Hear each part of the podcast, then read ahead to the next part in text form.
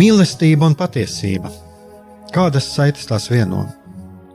Mēs esam cieši saistīti pirmkārt ar sevi, ar savu būtību, un arī ar pārējo pasauli, ar līdzcilvēkiem, ar sabiedrību. Kur ir mūsu vieta šajā pasaulē? Kā mums katram atrast savu patieso aicinājumu un vietu? Kā sasniegt savas dzīves piepildījumu, mīlestību? Kādi šķēršļi gan mūsu sirdī un prātā sastopamie, gan ārējie aizķēso mūsu ceļu pie Dieva? Šie jautājumi ir mūsu dzīves sastāvdaļa, svarīgi mūsu ceļā uz svētumu. Meklēsim šajā raidījumā kopā atbildes uz šiem jautājumiem. Ieklausīsimies, ko Dievs mums vēlas pateikt ar visu, ko sastopam savā dzīvē.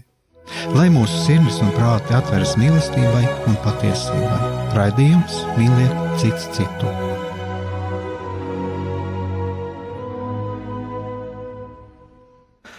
Lai top slavēts Jēzus Kristus, esiet sveicināti, darbie radioklausītāji. Eh, šis ir raidījums Mīliet cits citu, un eh, šoreiz studijā atkal ar mani Aigaru Brikmanu ir kopā Jānis Jakobsons. Un iepriekšējais raidījums, tā kā Jānis netika, es biju sagatavojis tādas pārdomas par šo Covid laiku, un varbūt arī Jānim kaut kas būs par, arī tieši par šo Covid laiku sākāms Un, protams, man ir arī priekšā ir Pola Priestera, Jēzus Priestera Pola Lebo izdotā grāmata Etija Hilesuma, kāds garīgais ceļš, un es domāju, ka mēs arī par šo tēmu turpināsim. Sveicināt, darbie radio klausītāji, prieks ar jums atkal būt kopā. Jā, un uh, mēs te arī runājām eh, par, par, arī par šo laiku. Varbūt arī tev ir kaut kas sakāms uh, par šo Covid laiku.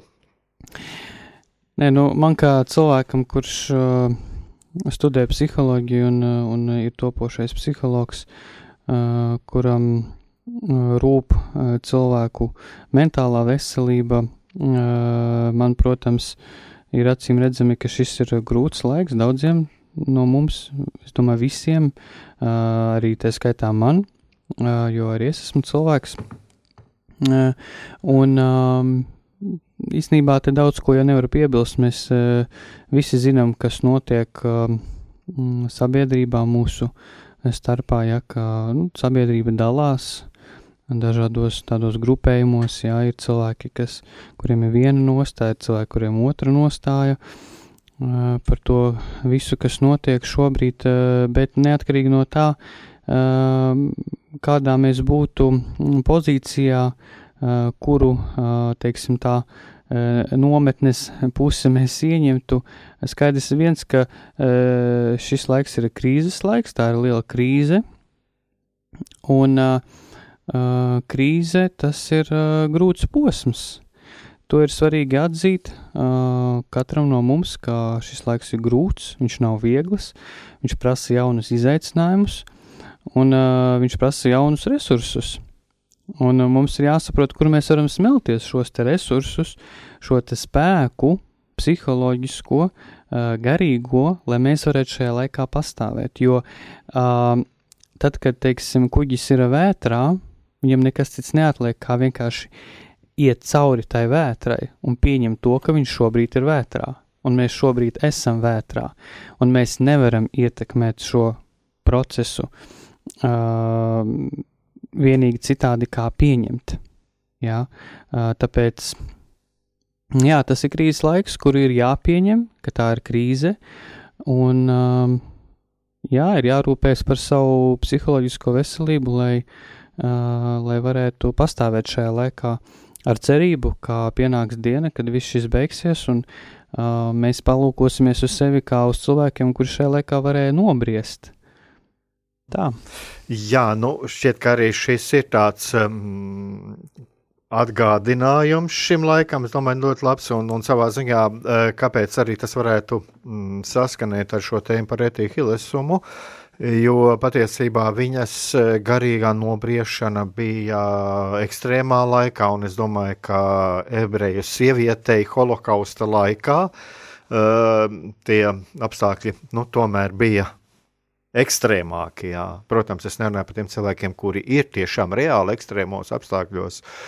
Uh, šie saslimušie mēdīķi, kas ar to darbojās, bet jā, tas ir, šeit ir jautājums par, par ekstrēmiem apstākļiem. Tā, tā tad. Mm, jā, es arī no savas puses piebildīšu, ka mm, mēs arī katrs varam sev uzdot jautājumu, uh, esot šajā krīzē, mm, jo katrs no mums šo krīzi uzņem uh, savādāk, cits uh, asāk, cits uh, drusku vienkāršāk, ja, uh, un ja mūs viss šis te uh, ļoti nospiež, uh, tad mēs varam sev uzdot jautājumu, ja, uh, kas ir apakšā šīm manām lielajām skumjām, jo uh, stāsts par to, kad teiksim, mēs šobrīd esam vairāk ierobežoti, ja, un mums, mūsu uh, ikdienas uh, darbība ir ierobežota. Ja, uh, tas nav tikai stāsts par to, ka mēs nevaram šobrīd brīvi atļauties kaut ko nopirkt vai pārvietoties bez maskām un tā tālāk.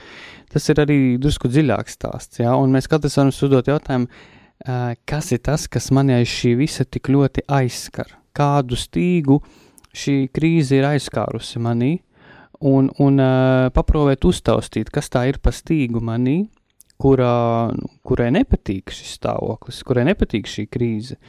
Varbūt uh, es varu atnākt pie atziņas, ka es pats par sevi savā dzīvē nejūtos brīvs, un uh, es veidoju attiecības ar cilvēkiem, kurās es jūtos nebrīvs. Es uh, izvēlos darbus, kuros es jūtos nebrīvs un nelaimīgs. Ja? Kā rezultātā šis krīzes stāvoklis, tikai uh, vēl vairāk mani tā teikt parausta, jo es dzīvoju ar šo tādu nebrīvības nostāju sevī. Un, ja es varu sakārtot savu iekšējo brīvību, tad arī šajā krīzes stāvoklī es jutīšos uh, brīvāks. Mhm. Jā, un es te varētu arī pie, piebilst vēl arī par to, ko, mm, par ko es eh, jau runāju pagājušajā raidījumā. Es domāju, ka tam arī vajadzētu kaut kad atrast laiku, kad veltīt.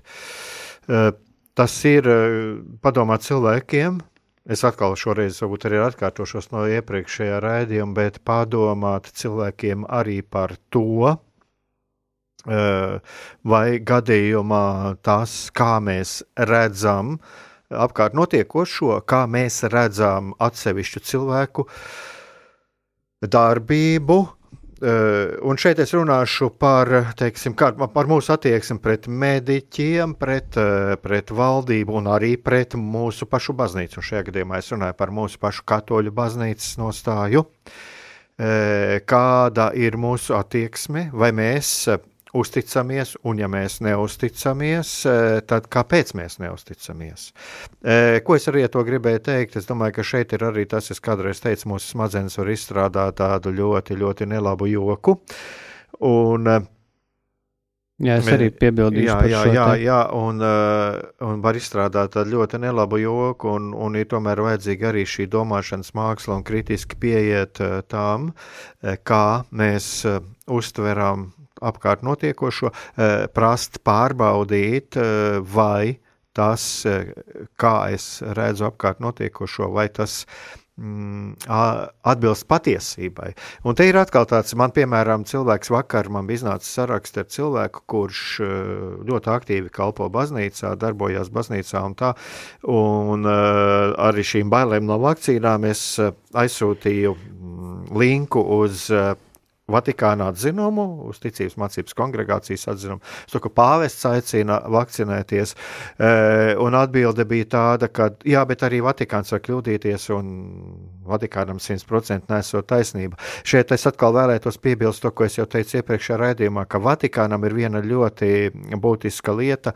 E, Vatikāns pirms nāk klajā ar kaut kādu oficiālu paziņojumu, ļoti, ļoti rūpīgi, ļoti, ļoti rūpīgi to visu pārbauda. Jā, lai nebūtu kritiski. gan jā, jā, ļoti kritisku pieeju, pieaicina attiecīgo jomu speciālistus, pieeja ļoti kritisku pieeju visām lietām, ļoti rūpīgi pārbauda, lai nebūtu gan kaut kāds sociāls, gan arī morāls ļaunums. Jā, un es piebildīšu par šo, te, ko tu minēji, domu kritiskumu. Jā. Pirmkārt, kā jau teicu, ka uh, var redzēt, jā, ka sabiedrība viņi sadalīta tādos divo, divās nometnēs. Jā, ir cilvēki, kas, kuriem ir viena nostāja, cilvēki, kuriem otra nostāja. Es šobrīd nevēlēšos komentēt nevienu no šīm nostājām, kāda ir sabiedrībā. Es arī nepaudīšu īsti savu, bet es tikai pateikšu tādu psiholoģisku novērojumu, ko es redzu, ka mm, tad, kad um, pieņemsim cilvēks redz kādu akūtu briesmu vai kādu krīzes stāvokli, kāds šobrīd, un ja viņš um, no šī stāvokļa, uh, teiksim tā, mm, izdomā kaut ko tādu ļoti bīstamu, kaut ko ļoti um, atbaidošu, Citiem vārdiem sakot, ja viņš izfantazē visļaunāko iznākumu no tās situācijas, kurā viņš šobrīd atrodas, ja, ja viņš tur aizdomā cilvēkus eh, un tā tālāk, tad pastāv varbūtība, ka tajā brīdī darbojās cilvēka projekcija. Un projekcija tas ir tas, ka eh, tas eh, īsnībā, ar ko cilvēks pats cīnās sevi, viņš to uzprojicē, jeb uzliek citam, un nosauc, ka, ot, lūk, tas ir ļaunums. Nu, pieņemsim, daudz cilvēki domā, ka tagad uh, Covid dēļ, tad mūs sapotēs, un mēs, tiksim, mēs nomirsim vai tiksim kaut kādā veidā saindēti, uh, mūsu veselība tiks sabojāta, un tas ir tāds liels pasaules iznīcināšanas plāns. Un uh, es atkal, es nekomentēšu šādu nostāju, es tikai pateikšu to, ka uh, šāda nostāja viņa var būt kā projekcija. Ko tas nozīmē? Tas nozīmē, ka es savā ikdienā neusticos cilvēkiem man apkārt kā tādiem. Es viņiem neusticējos ne pirms Covid, ne Covidā. Un es redzu cilvēkos, uh, teiksim, uh, Es redzu cilvēkos apdraudējumu attiecībā pret sevi. Es nejūtos droši attiecībās ar cilvēkiem, un es turu aizdomās apkārtējos, ka kāds par mani kaut ko sliktu saka, kāds man novēl ļaunu un tā tālāk. Un dzīvot ar šādu neapzinātu nostāju, ka tur par mani kāds kaut ko sliktu domā, man kāds kaut ko sliktu vēl, es, eh, esot šajā krīzes stāvoklī, es vienkārši uzprojicēju savu iekšējo eh, kaut kādu baili, savu mm, problēmu, uz krīzi es pasaku, ah, viņi mani grib nosist, bet īsnībā pamatā e, ir mana. Uh, ir manas attiecības ar cilvēkiem kā tādas, un šajās attiecībās varbūt es cilvēkiem neusticos. Nu tā, uh, tas, tas var būt viens no scenārijiem. Tāpēc, uh, tad, kad mēs esam kādā situācijā, mums ir sava nostāja, mums viņa var būt. Mēs esam brīvi cilvēki, mēs varam domāt tā, kā mēs vēlamies. Tā ir tā brīvības uh, privilēģija. Uh, Bet ir svarīgi, ka mēs sev uzdodam tiešām kritiskus jautājumus, kāpēc man ir tādas domas, kāpēc man ir tāda nostāja, un vai nav kaut kāda apakšā motivācija, kādēļ es ieņemu šādu pozīciju, ja? vai, vai nav kaut kāda mana projekcija šajā visā ieslēgta. Šķiet, ka tu kaut savā ziņā devi vienu tādu, mm, varētu būt pat ļoti laba atbilde Jo kāpēc? Es varu pateikt, kāpēc. Tāpēc, ka mm, saskarsmē jau man pašam individuāli runājot ar cilvēkiem ir tieši bijušas. Bijuši šie, šie aktuālie jautājumi, ja kur cilvēkam tiešām trūkst uzticība apkārtējiem, trūkst uzticība baznīcai.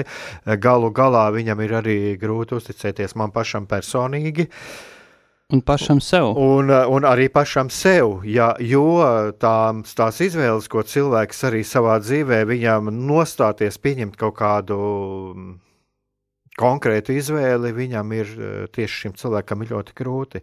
Un tagad šajā brīdī, šajā brīdī, kad lūk, ir šāda krīzes situācija, Tad, eh, lūk, sākās eh, jā, tas, ko tu sauc par šīm projekcijām, un, un tad ir šie, šie rezultāti, ja, kad, lūk, ir tomēr ir kaut kādas, eh, baznīcai īsti uzticēties nevar, ārstiem arī nevar īsti uzticēties, bet, jā, un tur kaut kas, acīm redzot, iespējams, iespējams kaut kas tur stāv aizmugurē, bet es domāju, ka tā ir tāda ļoti laba atbilde tiem cilvēkiem, kuri, kuri tiešām, nu, vēc, es domāju, ka viņiem būtu arī ļoti vērts ieskatīties no šāda uh, skatu punkta, no šāda skata punkta, kāpēc viņi šādi uztver šo, šo, šo covid laiku, šo apkārt notiekošo.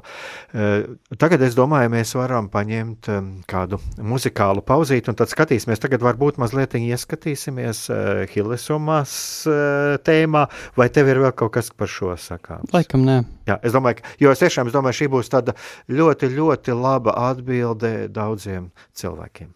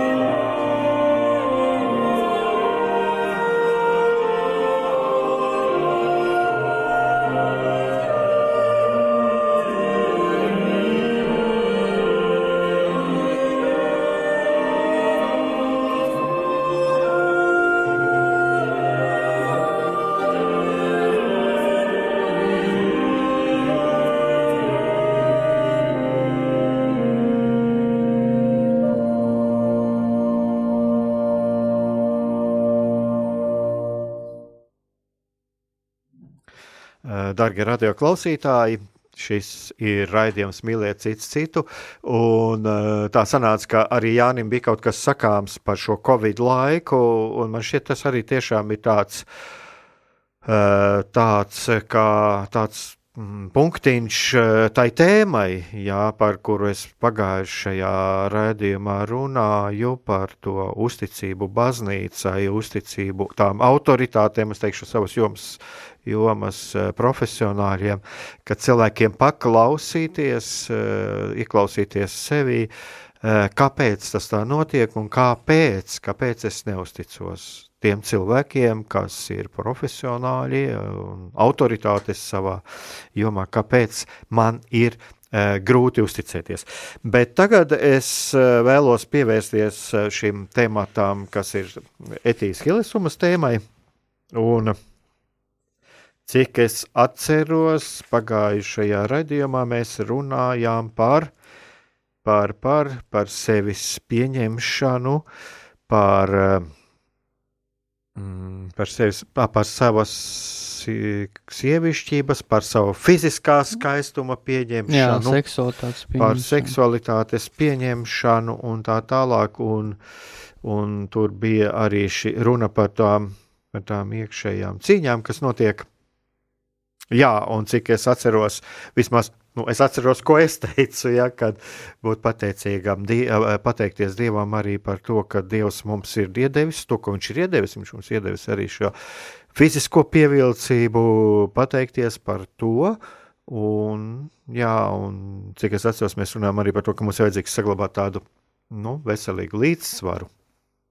Jā. Kaut kā tā. Uh, Jā, nu, jā, jā, un, eh, lūk, un tad eh, tālākais, par ko es teicu, par ko mēs arī varētu runāt, un kur, ko es arī teicu, kas, ka mēs varētu pieskarties par šim jautājumam, ko es teicu, tāds feminisma jautājums, feminisma jautājums, un ko pati pati Etija Hilesama runāja, viņa uzdeva sev tādu jautājumu, tādu jautājumu par to, e, kāpēc tieši, e, varbūt tieši tas izskaidro, kāpēc ir tik maz nozīmīgu sieviešu zinātnē un mākslā, jo sieviete aizvien meklē savu vienīgo vīrieti, kura, kuram viņa dos savas zināšanas, savu siltumu, savu siltumu, mīlestību un radošo enerģiju. Viņa meklē cilvēku un nevis cilvēci. Tas ir citāts no Etijas Hillesumas dienas grāmatas, ko ir izvēlējies priesteris Pols Lebo ielikt šajā grāmatā. Un interesanti ir, ir tas, ka kāpēc man arī šis tiek, šo feminisma jautājumu paceļu, Mm, es domāju, ka viņš un viņā ir jāatstāj arī tādu jautājumu zīmi.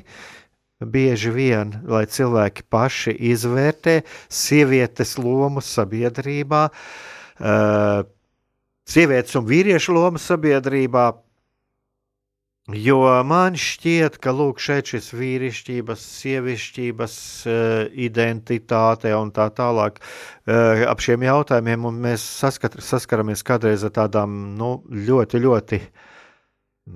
Teiksim, ļoti lielām emocijām viņš ir izraisis sabiedrībā, un, un šķiet, viņš arī reiz par reizēm, domāju, pat viņš arī reiz par reizēm tiek politizēts, bet um, kas ir, to, kas ir ļoti interesanti, kad, um, un es domāju, ka tas jau tā nav vienīgais etika hiles, un es domāju, ka, teiksim, filozofija un uh, dažādu šo um, sociālo jomu pētnieki atradīs daudz ko. Es, piemēram, lasīju, es esmu liekas, arī šeit atsaucies uz to pašu Inetu Lipšu vēsturnieci, kura ir pētījusi seksualitāti starp abiem pasaules kariem. Viņa arī šai lietai pieskarās. Mm, bet ir interesanti, ka tāda, tāds cilvēks kā Etija Hilesuma, ja, kas pēc būtības nebija ne, teolo, te, nebija ne teologs, ne, ne filozofs, kur bija studējusi uh, Eh, tiesību zinātnes, bet kura bija ar ļoti, ļoti tādu mm, plašu interesu loku, viņa pieskaras šim, šim jautājumam. Jā, varbūt es neesmu sievietes, nav tāpēc eh, zinātnē, mākslā tik daudz, kā, kā viņa to kā viņa to redzēja, ka, nu, ka viņa lūk, šī mīlestība, radoša enerģija, viņa, viņa ir kaut kam jādod, zināšanas, savu siltumu. Uh, ka viņa meklē cilvēku, nevis cilvēci. Viņa uzdod šo jautājumu, vai viņa meklē lūk, šo cilvēku, nevis cilvēku. Nevis, nevis cilvēci. Mm -hmm. nu tā, kaut kādā ziņā man šis jautājums, šī lieta arī šķiet, nu, jā, nu viņa man kaut ko arī manī sevi, sevi aizskāra. Bet tā pašā laikā, ko ir ievērojis, ir arī priesteris Pols Lebo, ka lūk, šeit ir citāts, ko raksta priesteris Pols Lebo. Atzīstot, ka nes sevī ļoti spēcīgu mīlestību pret cilvēci, etija liek saprast, ka labi apzinās iedalījums vīriešos un sievietēs, sievieties bez šaubām nemaz nav tik stingrs, kā šķiet. Un šeit, šeit uzreiz man tāds, tāds do, par, par šo iedalījumu. Nu, nu, šeit ir dažādi stāsti par tām ģenderu ideoloģijām, bet es arī tagad neteikšu par to, ja, jo man ir savs viedoklis. Ja, uh, tikai te, te es atkal mazliet gribētu pieskarties par šo iedalījumu sievietēs un vīriešos. Protams, atkal es vienmēr saku, mums ir ļoti, ļoti svarīgi atzīt, uh, un, sev, un es domāju, ka tas ir ne tikai laulātajiem, bet jebkuram, ja, atzīt, ka es esmu vīrietis ar savu vīrietim raksturīgo psiholoģisko, fizioloģisko pusi, un tāpat ir sievietēm. Ja? Bet es domāju, ka šeit ir runa par citu, par ko runā Etija Hilesuma. Uh, tas ir tas, ar ko nodarbojas arī Katoļu baznīca. Un, uh, kas ir gatavojušies baznīcā laulībām, vai kas paši gatavo, tur ir arī viena ļoti būtiska lieta, ka uh, tiek strādāts ar abiem šiem sadarinātajiem, un uh, tur netiek šķirots, teiksim, vīriešu sievietes pienākumu un tā tālāk, ja, bet tur tiek veidots uz dialogu, kā mm -hmm. mēs to mhm. savu kopzību saprotam. Un es domāju, ka šeit savā ziņā runādama, Etīka Hilesuma runādama par vīriešu un sieviešu attiecībām, viņa, viņa kaut kā es no savu skatu, skatu punkta, to viņi ietver arī to atrast savu vīrieti. Ja? Viņi ietver arī šo, viņi uzdod šo jautājumu, ja arī, nu, ko es meklēju galu galā, ja, un kādai tad ir tā mana attiecības starp vīrieti un sievieti. Un, un, lūk, un to ir arī uzsvēris arī priesteris uh, Pauls Lebo, viņš ir arī tieši šajā citātā to pamanījis, lai gan šeit ir vairāk par šo sievietes sociālo lomu vispār sabiedrībā, jā. Tā. Uh, jā, uh, man uh, nāk domas prātā par to, kad arī mūsu mm, baznīcas vidē mm, bieži vien sievietes sastopas ar to, ka ir grūti atrast laulāto draugu. Un tas arī baznīcas vidē sievietēm ir ļoti aktuāls jautājums ja, par šo otro pusi. Un šeit es gribu teikt, ka, uh, protams, uh, man liekas, ka uh, tad, kad mēs skatāmies uz uh, kādu, pieņemsim, ja, ja sieviete ilgtermiņā nevar atrast vīrieti, ja, ja mēs skatāmies šādu situāciju, tad mēs uh, varam to jau redzēt kā problēmu. Jo uh, tad, kad uh, mēs darām kaut ko, un mēs iet, iekrītam atkal no jauna vienā un tādā pašā, kā jau bija teicis iepriekšējos raidījumos. Šeit pastāv iespēja, ka mēs uh, vienkārši tipinam pa to iestrādāto neapzināto taciņu. Un, uh, ja mēs saskaramies baznīcas vidē, mm, ar gadījumiem, kad sievietēm ir grūti atrast šo partneri, ja, tad atkal uh, sieviete uzdot sev jautājumu, vai arī vīrietis, kurš nevar atrast sievieti, man liekas, arī vīriešiem mēs būs šīs problēmas uh, baznīcā, uh, uzdot sev jautājumu, ja, uh, kāpēc es nevaru atrast? Vai tiešām ir tā, ka nu, nav tās otrās puses? Ja es atnāku svēto misiju, pagriežu galvu pa kreisi, pa labi, nu es taču redzu vīriešus, redzu sievietes, jā, nu, varbūt uh, tomēr nav tā, ka viņu nav, jo viņi taču man ir apkārt. Ja? Un, un ja, teiksim tā, ja, ja man neveidojas kontakts ar vīrieti, bet es jūtu, ka es to gribu, um, es gribu attiecības ar vīrieti, ja es runāju no sieviešu pozīcijas, tad, um, tad jautājums, kāpēc tas nenotiek? Kas notiek manā dzīvē tāds, kas uh, varbūt bloķē šos te vīriešus pie manis, ja šo te manu laulāto draugu topošo, uh, kas ir tas, kas bloķē viņam ceļu pie manis, kādus es varbūt pats esmu uh, mūrus izlicis, ja šim cilvēkam priekšā. Mm, nu tā, un, protams, šeit mēs atkal atgriežamies pie tā, ka mm, bieži vien tas saistīts arī ar traumām, ar bērnības pieredzi, ja, ar attiecībām pret vīrišķo dzimumu kā tādu. Ja meitenei ir bijušas uh, sliktas attiecības ar tēvu, tad neapzināti viņa katrā vīrietī redzēs āzi, ja, kura viņa neusticēsies. Un, tas, tas arī var rast, radīt tiešām blokus, veidot attiecības ar savu topošo un potenciālo vīru. Uh, Un šeit jau, protams, tikai uh, lūkšanā Dievs var to parādīt, vai arī ejot pie psihologa, psihoterapeita, strādājot ar viņu. Bet, uh, jā, es domāju, ka šis jautājums, kas etijai ir aktuāls, viņš tāpat ir aktuāls, uh, ir bijis kā tad, tā tagad daudziem cilvēkiem, gan baznīcā, gan ārpus baznīcas, jo arī ārpus baznīcas ir daudz cilvēku, kuri nevar atrast uh, sev partneri. Tāpēc, jā, ja kaut kas ir iestrēdzis un tas ir kļuvis patstāvīgs, tad uh, var sev droši uzdot jautājumu, uh, kas notiek ar mani šobrīd vispār manā dzīvē. Nu tā. Uh, jā, šeit jau arī šajā ētīs Hilesums gadījumā mēs arī tam pieskarsimies. Uh, tālāk šeit ir arī, tālāk ir visa šī mm, viņas pārdomas par to, uh, arī viņas piezīmes un, un Un tur ir arī, teiksim tā, tur ir arī tāda iešana dziļāk tieši šajā lietā, jo, jo kā jau es teicu, ja, ja mēs runājam arī par šo laulību, šeit pat nav tik, tik daudz viņa, viņa runā vispār par sievietes lomu. Ja. Bet jā, tas, ko tu teici par šo dzīvē, man ir gadījumi, teiksim, man uzreiz nāk prātā kāds gadījums, ko es pats piedzīvoju, šis cilvēks jau ir laulībā tagad, ja. Bet um, bija stāsts par to, ka lūk, viņam ir baznīcā viena meitenīte, un, un, un man viņa patīk. Un, uh, un man šķiet, ka arī es viņai patīku. Tā, bet uh, ir kaut kāds šķērslis, un tad es viņam uzdevu šo jautājumu, bet, uh, ko tu esi darījis? Jā, ko tu esi darījis, lai, lai tu viņai pietuvotos? Jā, un tā bija tāda viena saruna, viena tikšanās ar viņu. Vienkārši man tas tā atsauc, atsauc um, prātā to, jo tas ir šādā situācijā ir gan vīrieši, gan sievietes. To es uzreiz varu pateikt. Ja. Jo tāda, man šķiet, šeit savā ziņā ir tāda diskriminācija, ir par kādreiz arī par vec, vecmeitām, lai gan arī par vec, vecpušiem runāja. Bet tas ir Mm, tas ir uh, raksturīgi, tā šī, šī problēma, sauksim tagad, tiešām, ja cilvēkam, cilvēks par to pārdzīvo, mm -hmm. tā mhm. ir viņam problēma. Jā, tā ir jā. problēma, jā. Un uh, šeit būs arī tālāk, es, man arī radās tāds pārdomas par, par, par to, kāpēc, kas var radīt šo problēmu, jā.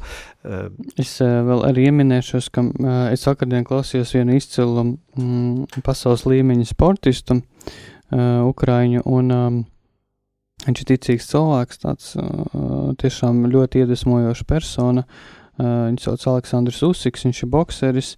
Un, uh, viņš ļoti brīvi savā intervijās vienmēr runā par Dievu un kā viņš pats ir nonācis pie ticības. Un, uh, viņš pirms katras cīņas uh, arī krustu pārmet, uh, tā publiski par to nekaunoties.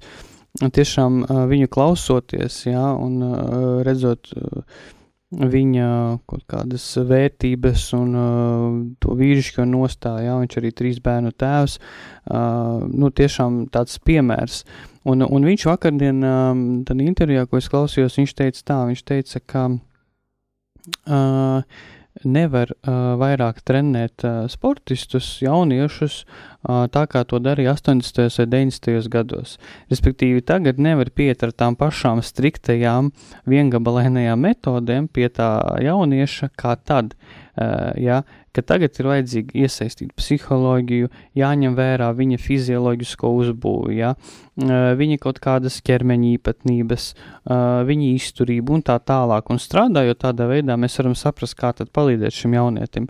Un tāpat es arī šo te viņa minētos gribu attiecināt uz mūsu 21. gadsimtu, šo 21. gadu, kurā mēs dzīvojam, ka tas attiecināms uz mums katru, ka mēs cilvēks attīstās, zinātnē attīstās, uh, sociālajie procesi attīstās, un mums jāsaprot, ka mm, mums, uh, lai mēs attīstītos, mums jāskatās uz cilvēku tā holistiski, ja, ka mums jāņem vērā, uh, holistiski tas nozīmē, ka mums jāņem vērā visa mūsu personība, un tad, kad mēs runājam par kaut kādu mūsu mm, attīstību, kad mēs runājam par to, ka mēs gribam veidot attiecības ar pretēju dzimumu, ka mēs meklējam savu profesiju. Ja?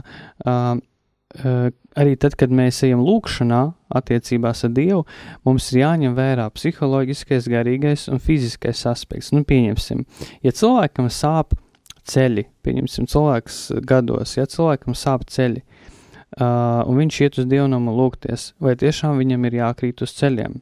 Jā, tādā ziņā, ka cilvēks var uzskatīt, ka viņam ir jākrīt uz ceļiem, bet īstenībā viņam ceļi ir sabojāti. Jā. Viņš var pastāvēt, paklanīties ar galvu, un tas būs tāds pats pagodinājums. Jā.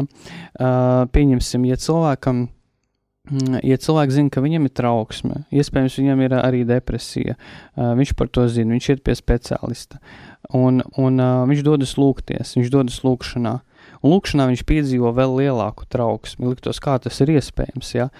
Bet īstenībā cilvēkam vienkārši ir obsesīva kompulsīva traucējumi. Un tad, kad viņš, pieņemsim, atkārto vienu lūkšanu pēc kārtas, eh, atkārto un atkārto, viņš palaiž to kompulsīvo mehānismu sevī, un viņš, eh, tas viņam rada trauksmi. Un, eh, un cilvēks domā, kā, nu tad nelūkšos, jā, un īstenībā jā, kamēr cilvēks nesalabos savu psiholoģiju, savu psihi, e, viņam nevis vispār vajag atturēties no tādas lūkšanas, atkārtošanas lūkšanas, bet viņam ir nu, jāsaprot, kad tas viņam ir palīdzoši un kad tas nav palīdzoši. Ja? Tāpēc es domāju, ka tas tiešām ir ļoti labi, ja mēs varam skatīties uz mūsu dzīvi un attiecībām ar Dievu tā pilnīgā tādā spektrā ņemot vērā mūsu fizioloģiskās spējas, mūsu uh, psiholoģiskās spējas un uh, kā mēs viņus varam pakārtot mūsu garīgumam. Tas, tas, manuprāt, ir ļoti svarīgi mūsdienās. Jā, jā par tām lūkšanām arī es domāju, ka arī tas ir savā ziņā ļoti svarīgi, jo kādreiz cilvēkam var būt arī kaut kāda vainas sajūta par to, ka viņš jā. kaut ko nelūdzās, bet patiesībā viņam, un, un, un te ir tā lieta, ka viņš jau var atrast arī sev kādu lūkšanas formu, piemēram, kaut kādu, kādu šautru lūkšanu. Jā. Un, un man patīk arī šajā ziņā, Lavijas Terēze kaut kur bija runājusi arī par to, ka arī šī vēlme lūgties var būt arī jau kā lūkšana. Es tā precīzi nepateikšu, ja, bet Protams, ka iespēja robežās labi šī lūkšana sekoja, bet uh, kaut kādā brīdī, ja mums, mums šī vēlme ir, tad arī tas ir labi.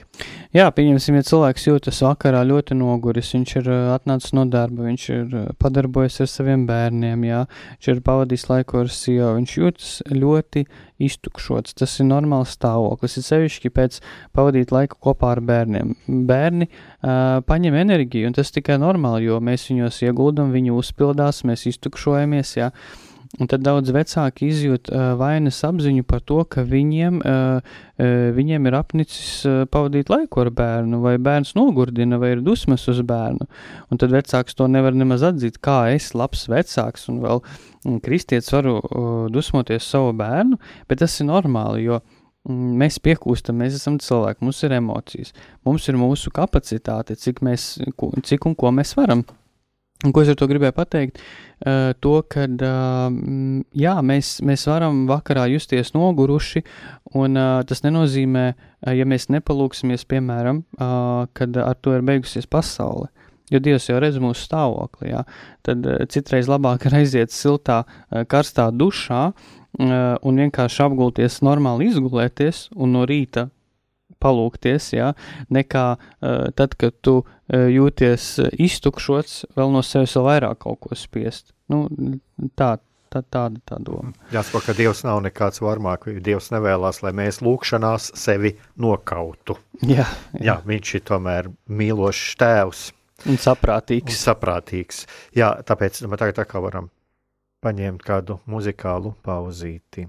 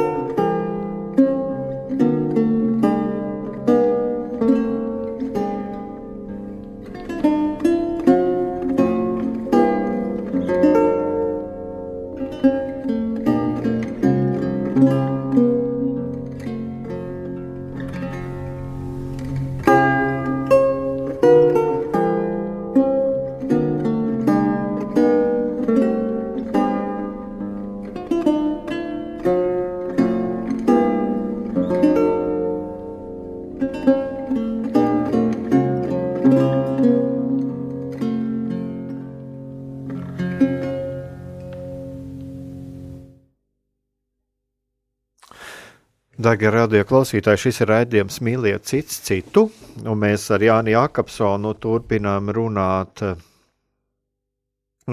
runāt par eh, Pola Lebo grāmatu eh, Etīhilis un kāds garīgais ceļš, un, un man šķiet, te, ja klausītāji klausās, viņi domā, te ir tāds kā tāds garīgi, garīgs, garīgs psiholoģisks ceļojums, kā man to gribētos formulēt, jo, jo, jo iznāk tā, ka mēs vienmēr runājam par šīm lietām, un, un patiesībā es tieši ar šo domu gribēju šo grāmatu apskatīt, jo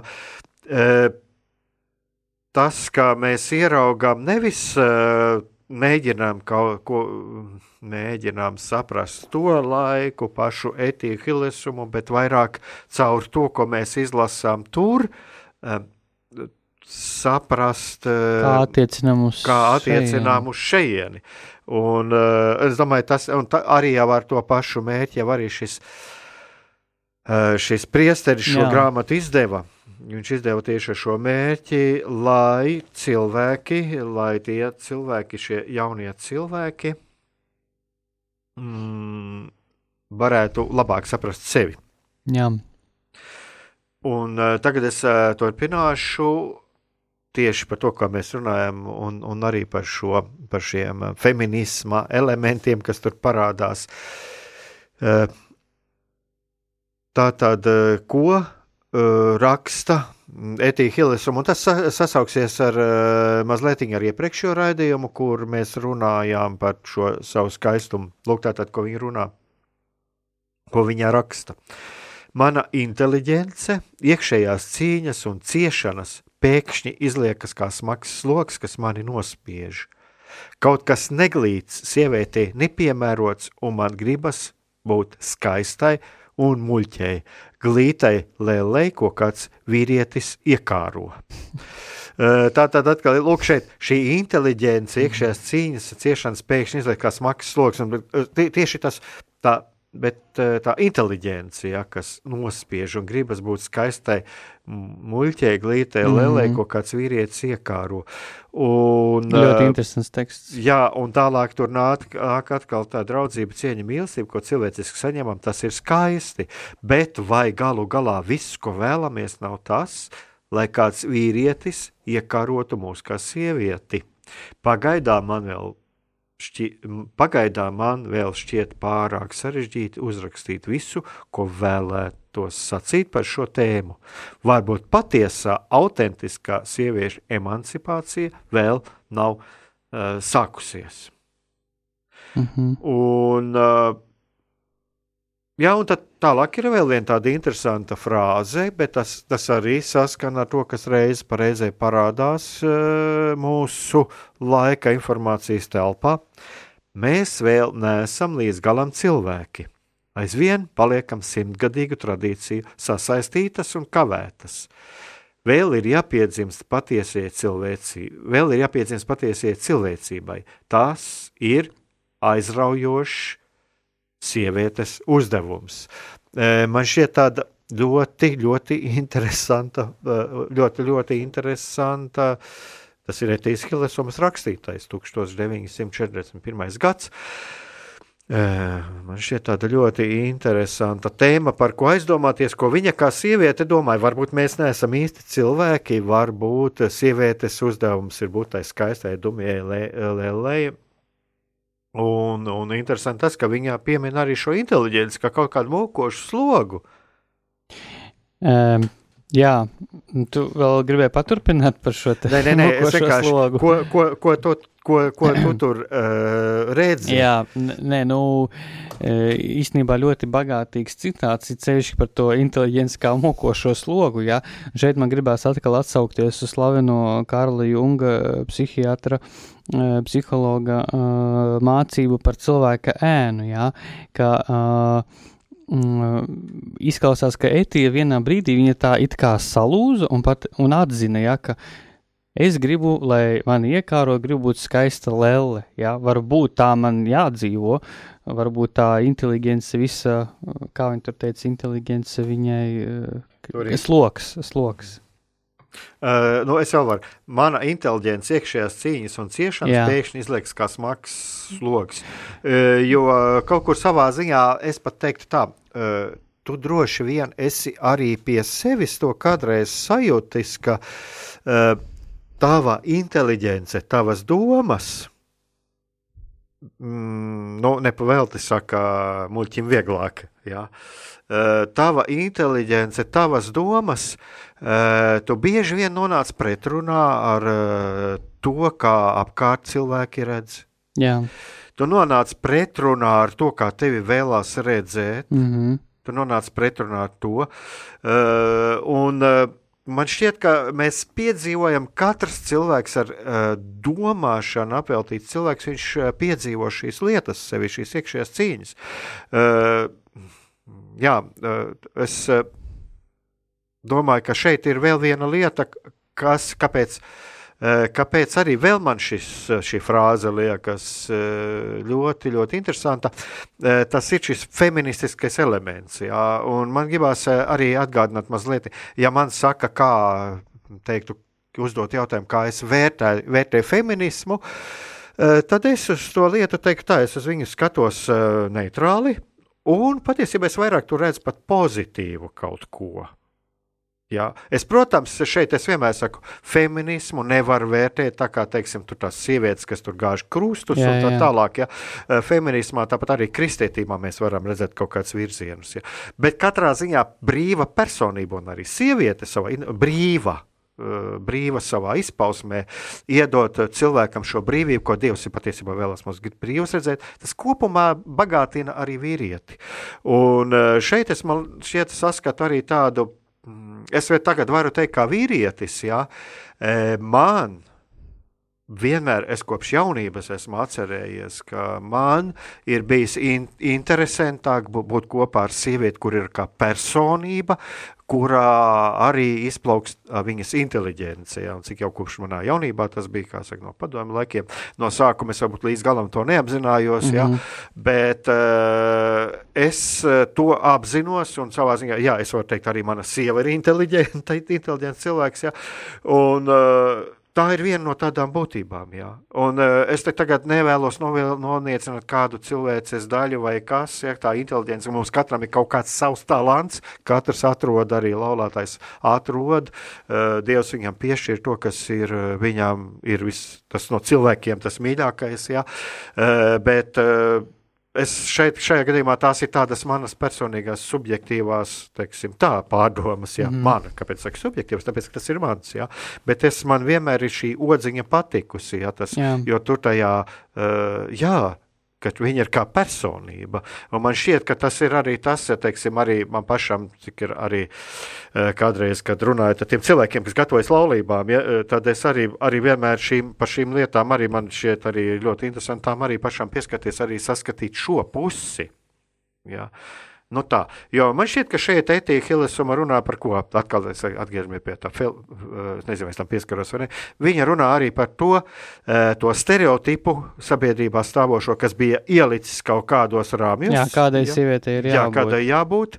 Un šis stereotips ko es sākumā runāju, ja, ja mēs, esam, mēs ar savām domām kādreiz jūtamies diskomfortā, tāpēc, ka ir kaut kāds stereotips, mēs redzam to savādāk, un viņa šeit saskarās ar to ar to stereotipu, kādai sievietei ir jābūt. Jā. Un tas arī izraisa arī viņai šīs pārdomas. Jā, Jā un es gribēju teikt, ka tas, tas šis citāts, ko viņa ir eh, teikusi, ja, ko tu esi nolasījis par šo te eh, inteliģenci, mm, eh, tas arī izklausās man kā mm, ka viņa apzinās, ka tā ir viena no viņas maskām, kuru viņa nesā ikdienā.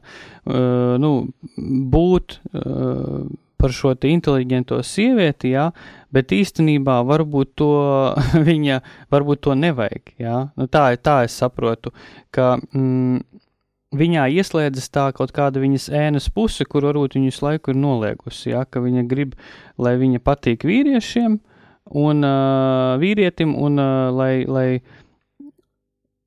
lai uh, Viņa ne tikai patīk vīriešiem, bet ka viņa ir nu, skaista un, un brīnišķīga sieviete, kuru apbrīno. Ja? Un uh, nereti arī mēdz būt tā, ka cilvēks tiešām viņš, uh, viņa, uh, teiksim tā, viņa domas nesaskan ar viņa jūtām.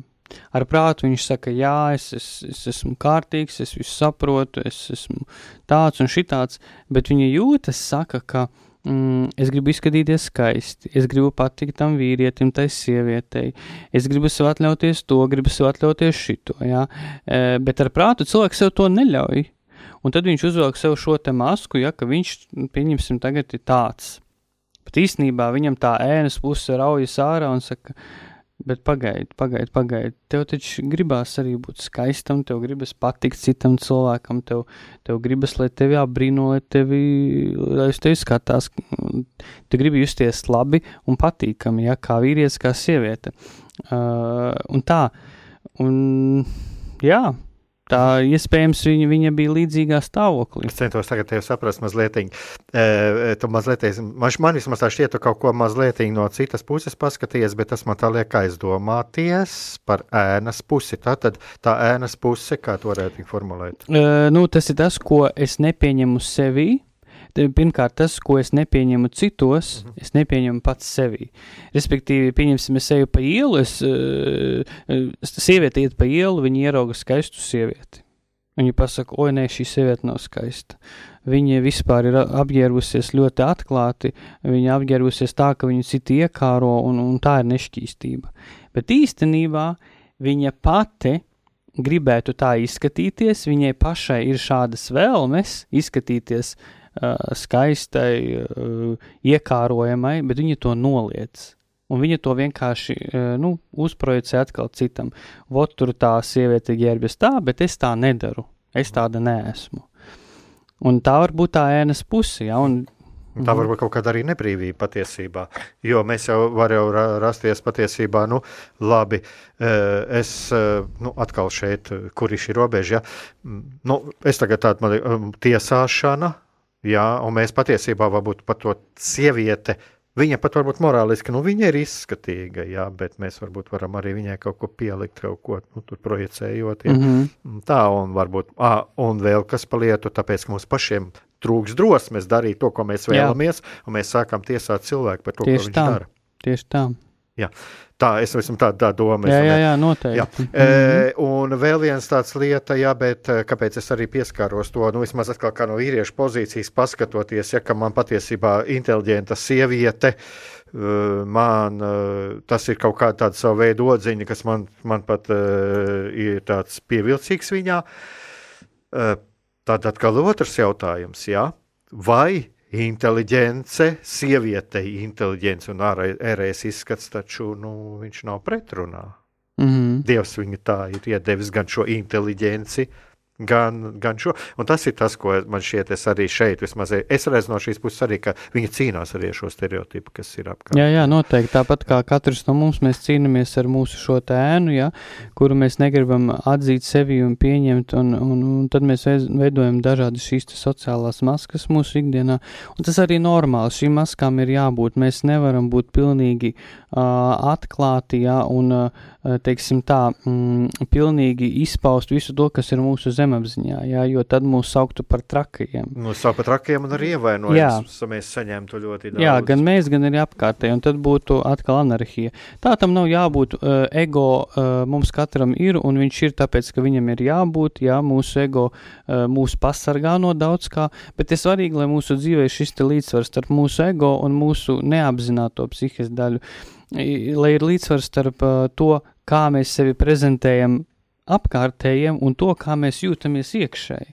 Un lai mēs laiku pa laikam arī ņemam to mūsu iekšējo cilvēku, mūsu iekšējo sajūtu un viņu iznesam uz āru, lai mēs veidojam integrāciju. Lai mēs nu, esam dažādi, daudzveidīgi. Tā, ja man patīk, kā otrs cilvēks ģērbjas, kā viņš izskatās, bet es to noliedzu. Nu, Tātad manā zemapziņā sēž šī neapzināta vēlme arī būt smukam, arī būt uh, tādam, kuru novērtē. Un, ja es to savā dzīvē sāku atļaut darīt sev, ja es to atļaujos, tad uh, veidojas integrācija starp manu nē un starp manu jā. Nu, tā integrācija patiesībā padara arī sabiedrību labāku, jo ja cilvēks ir apmierināts ar sevi, viņš sevi pieņem, tad viņš eh, vairs nevis tiesā otru, bet viņš otru saprot, un šī sabiedrība pat par sevi ir eh, uzplaukst. Uzplaukst, jā, tiešām uzplaukst. Um, mūsu raidījumam ir jābeidzas, un es vēlos tāpat teikt mūsu raidījuma noslēgumā, lai tiešām mēs esam tie, kuri uzplaukstam paši un palīdzam uzplaukt sabiedrībai. Jā, pilnīgi piekrītu.